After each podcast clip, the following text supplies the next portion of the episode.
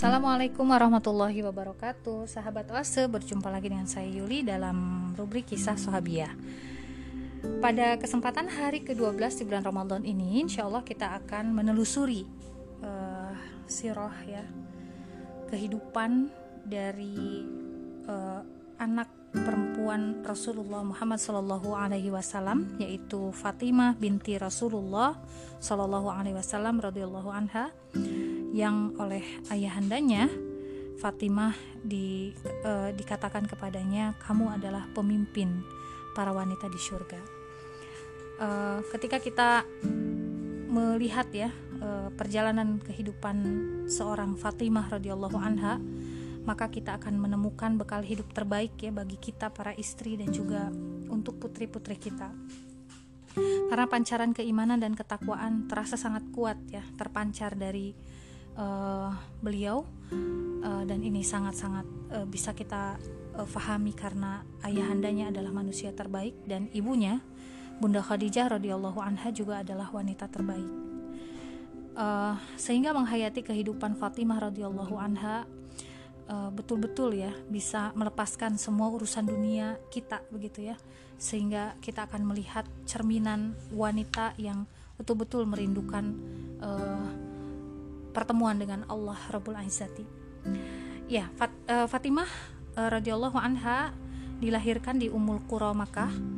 Uh, pada kondisi orang-orang Quraisy memperbaiki Ka'bah lima tahun sebelum kenabian dan uh, Rasulullah sangat bahagia ya dengan kelahiran anaknya ini.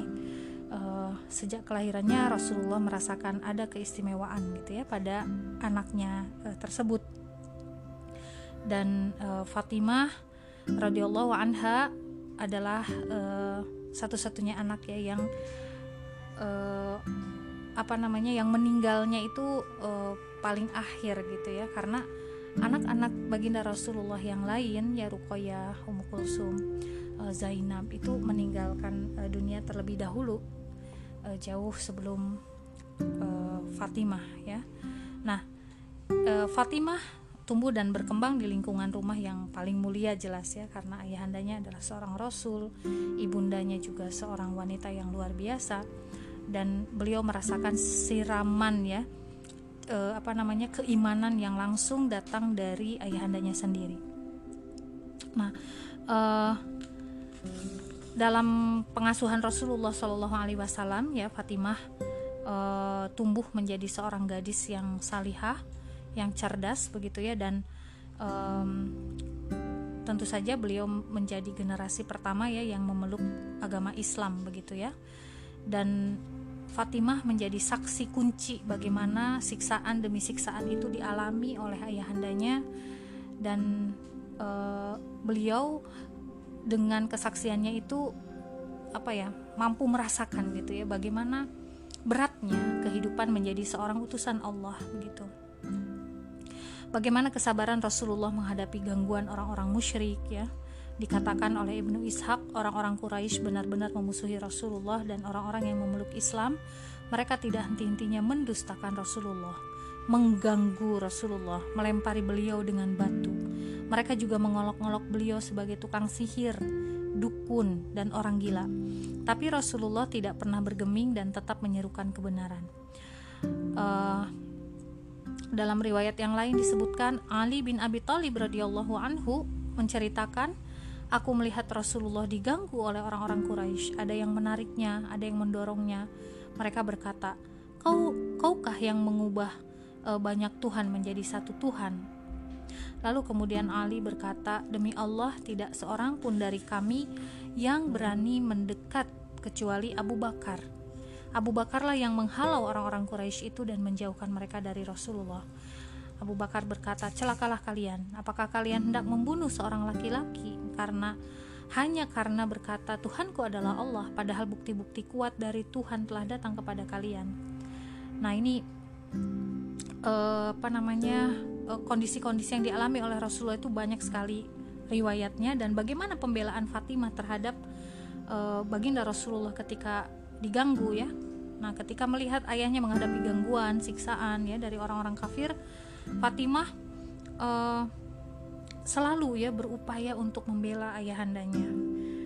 kalau kalau perlu gitu ya Fatimah itu ingin sekali menebusnya dengan dirinya bahkan dengan dunia dan seisinya nah uh, banyak sekali ya kisah-kisah ketika Rasulullah men, apa mengalami deraan siksaan Fatimah itu uh, berada di hadapan ayahandanya dengan uh, apa menangis gitu ya uh, dan pernah satu kali Rasulullah SAW ya pulang dalam keadaan babak belur.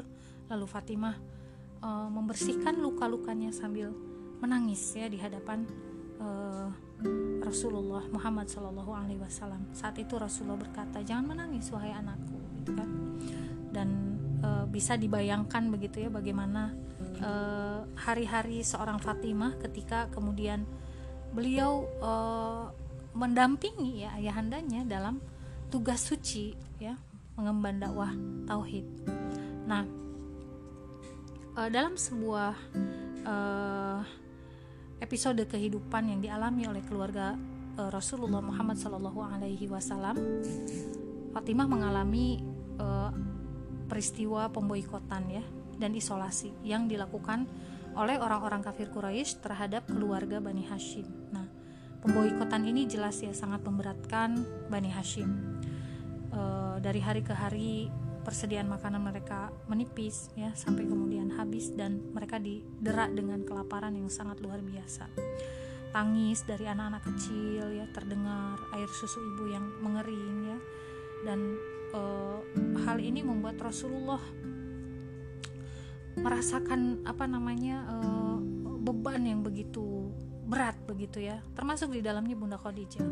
Bunda Khadijah sampai uh, habis ya uh, harta beliau karena menanggung ya uh, apa namanya menanggung uh, makanan dan lain sebagainya gitu dari Bani Hashim. Itu pun dengan segala keterbatasan karena mereka dilarang berjual beli kan. Kabilah-kabilah itu menyepakati untuk tidak melakukan jual beli muamalah gitu ya menikahkan dan seterusnya gitu. Jadi benar-benar dicuekin gitu kan nah ini dirasakan pula oleh seorang uh, Fatimah ya. Uh, ada satu apa namanya uh, cerita begitu ya yang uh, disampaikan dari Sa'an bin Abu bin Abi Waqqas. Dia pernah berkata suatu malam saya uh, menunaikan hajat ya BAK gitu ya di suatu tempat saya mendengar suara ketukan di tempat jatuhnya tempat dia buang hajat ternyata sepotong kulit kering unta. Saya ambil lalu saya cuci lalu saya rebus dengan air. Nah ini uh, apa derita yang di di uh, alami ya oleh oleh kaum muslimin pada saat itu ya pada saat pemboikotan terjadi sampai kulit unta gitu ya itu dicuci lalu dimasak gitu ya dan dikatakan kulit unta itu cukup untuk bekal makan tiga hari gitu. Sampai sebegitu parah kondisi yang dialami oleh umat Islam ketika e, terjadi pemboikotan itu. Dan e, itu sudah di luar batas ya kemanusiaan. E, hanya orang-orang yang beriman yang kemudian membuat keimanan mereka semakin uh, bertambah gitu ya. Dan uh, akhirnya kan pemboikotan ini uh, uh, apa dibatalkan ya karena isi dari komitmen dan perjanjian mereka yang ditempelkan di Ka'bah itu dimakan oleh rayap. Nah, Fatimah saat itu masih sangat muda ya dan merasakan kesulitan yang dialami oleh kaum muslimin uh, terutama ya Bani Hashim saat itu kurangnya makanan gitu ya hingga kemudian membuat badannya ngedrop gitu ya dan jatuh uh, apa jatuh sakit. Nah setelah pemboikotan itu berlangsung dan ini tidak sebentar ya uh, tiga tahun kaum muslimin mengalami uh, pemboikotan. Allah kemudian akhirnya memberikan pertolongan kepada kaum muslimin dan mereka pun terbebas dari pemboikotan. Uh, dan penderitaan atau uh, apa namanya uh, kondisi yang enggak ngenakin ya yang dialami oleh Fatimah itu banyak sekali ya uh, ketika ibunda beliau ya bunda Khadijah uh, meninggal dunia. Ini hal yang terberat ya yang dialami oleh uh, oleh Fatimah uh, binti Rasulullah Muhammad Shallallahu Alaihi Wasallam.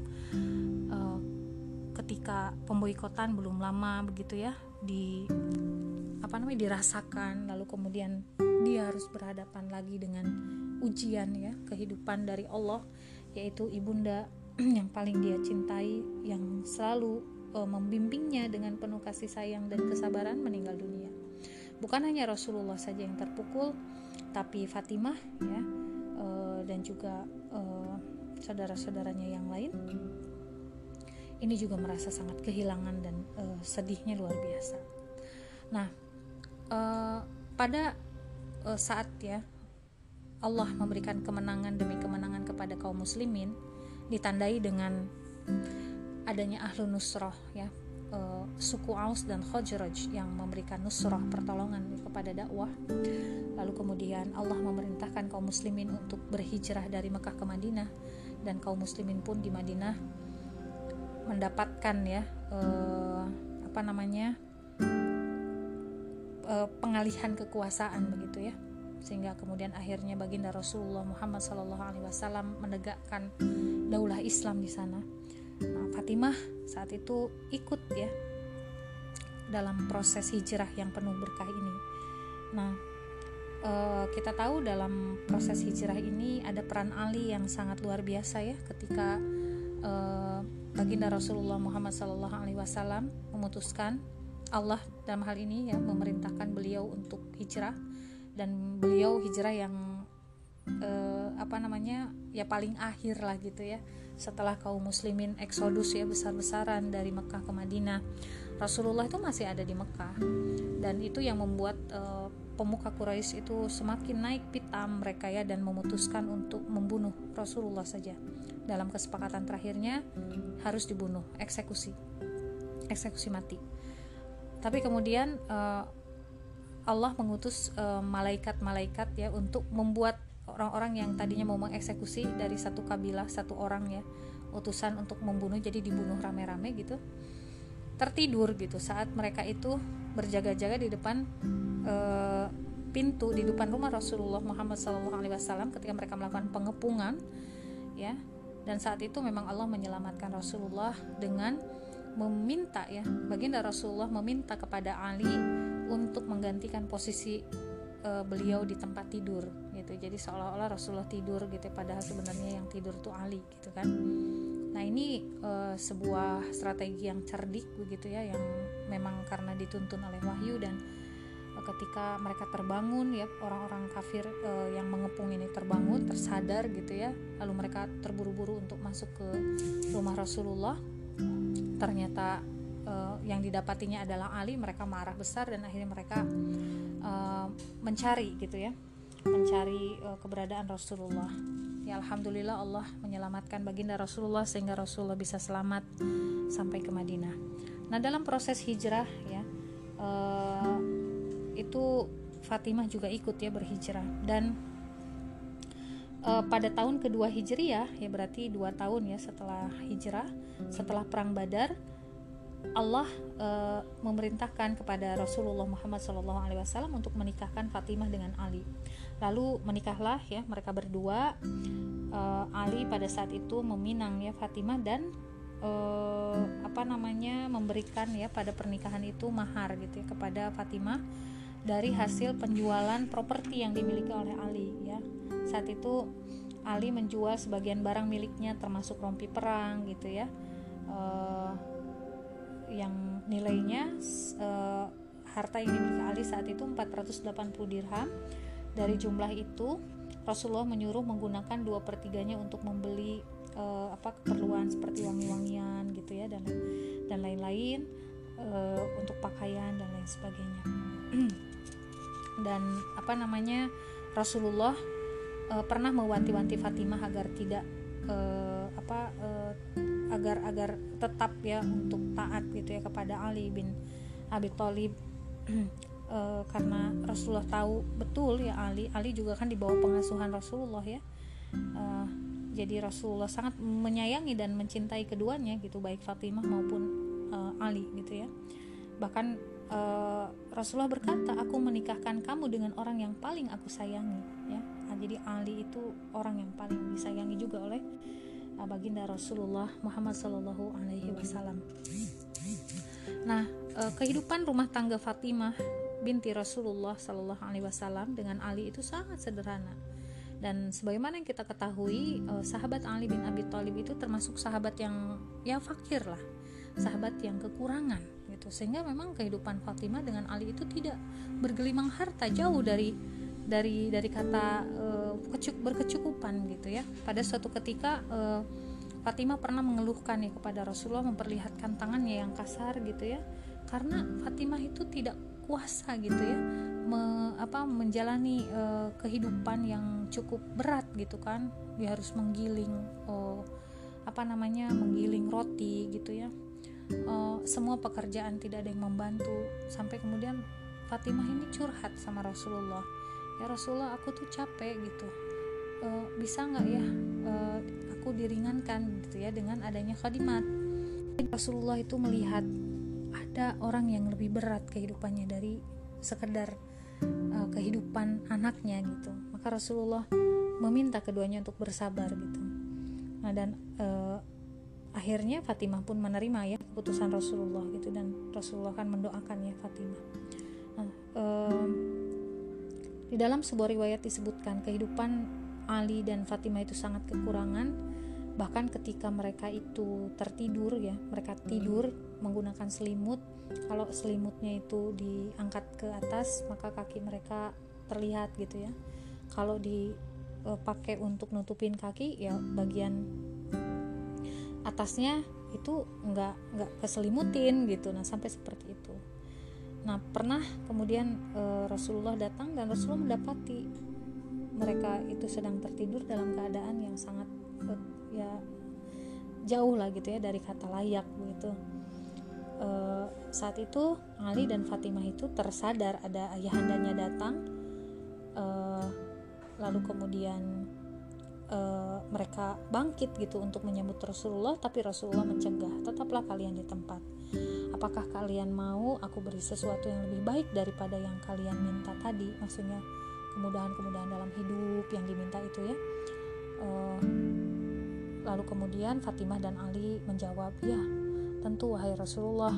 Lalu Rasulullah bersabda uh, beberapa kata yang diajarkan Jibril kepadaku setiap habis sholat maka bacalah tasbih 10 kali hamdalah 10 kali takbir 10 kali jika hendak tidur, bacalah tasbih 33 kali, tahmid 33 kali dan takbir 34 kali. Nah, ini uh, hadis riwayat Bukhari ya. Uh, Ali kemudian pernah berkata demi Allah sejak Rasulullah mengajarkan hal itu aku tidak pernah meninggalkan apa yang beliau ajarkan itu. Jadi masya Allah ya luar biasa. Uh, dan Fatimah uh, binti Rasulullah Muhammad SAW ini memiliki sifat pemalu yang luar biasa ya. Uh, masya Allah gitu. Uh, Fatimah ini uh, akhlaknya juga luar biasa. Dan uh, Ali ya dengan karakter beliau dan memang tadi ya latar belakang beliau yang cukup kekurangan ini pernah dikatakan oleh Rasulullah itu orang yang berpasir ya ahlat turab gitu ya. Nah tapi Ali itu ya memiliki karena beliau juga memiliki keistimewaan yang lain. Jadi tidak pernah minder gitu dengan dengan kondisi kekurangan yang dimilikinya tersebut begitu ya. Nah uh, ada hal yang menarik ya. Bagaimana Fatimah di mata Rasulullah?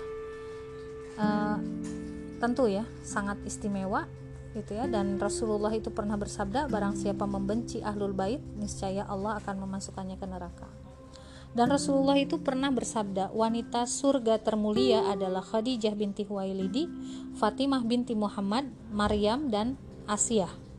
Nah ini jadi e, sampai dikatakan gitu ya sebagai penghulu surga, wanita penghulu surga.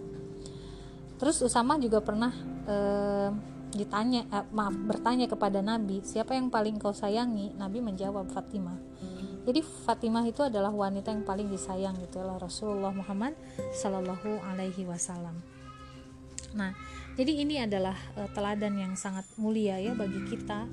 Uh, terlebih ya bagaimana kemudian Fatimah uh, apa namanya memperlakukan ya keluarganya, anak-anaknya ya Hasan dan Husain gitu kan.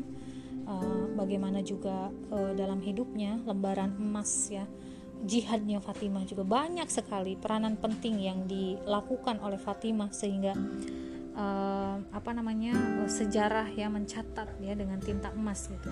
Pada saat perang Uhud ya ini ada peran Fatimah di sana. Uh, apa namanya lalu kemudian di dalam peperangan-peperangan yang lain Fatimah juga ikut. Perang Khandaq perang Khaybar ya.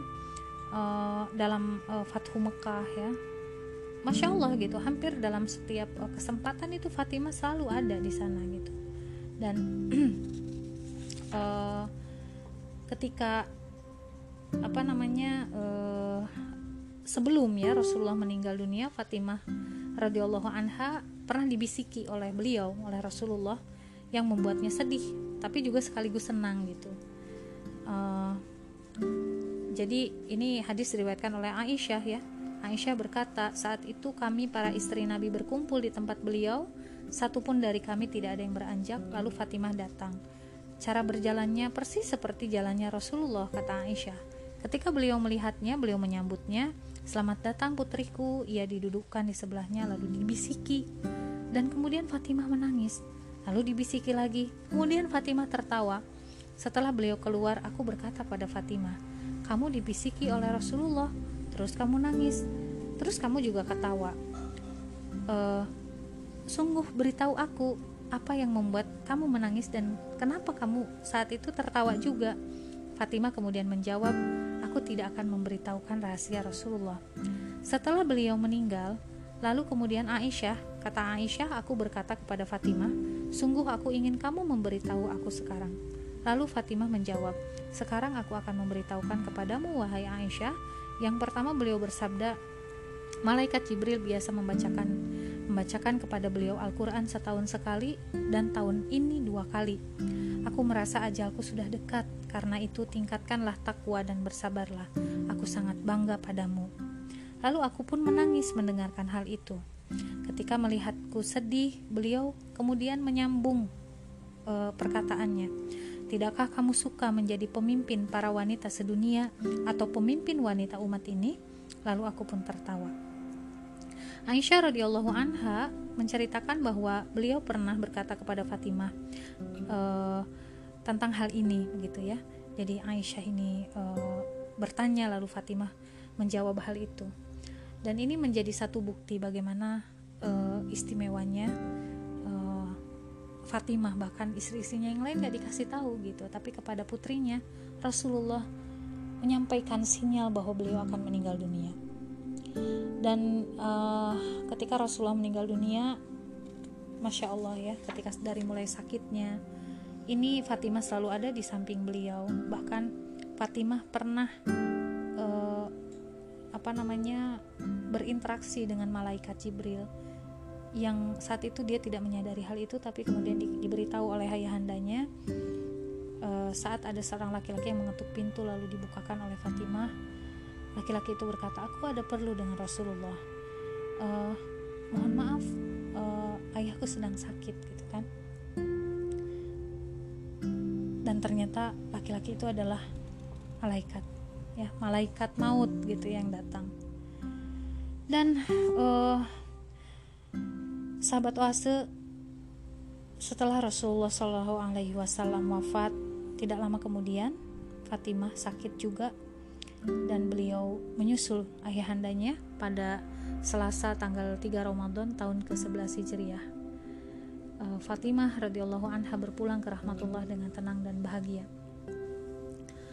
Uh, dan saat itu istri uh, maaf suaminya Ali tentu saja ya merasa sangat kehilangan. Demikian halnya dengan anaknya Hasan dan dan Husain dan uh, Fatimah binti Rasulullah Muhammad sallallahu alaihi wasallam dimakamkan di Baki bersebelahan dengan makam saudara-saudaranya Zainab, Ruqayyah dan juga Umi Kulsum radhiyallahu anha. Semoga kita bisa meneladani uh, apa yang ada ya sifat yang ada pada Fatimah binti Rasulullah Muhammad sallallahu alaihi wasallam. Demikian, wassalamualaikum warahmatullahi wabarakatuh.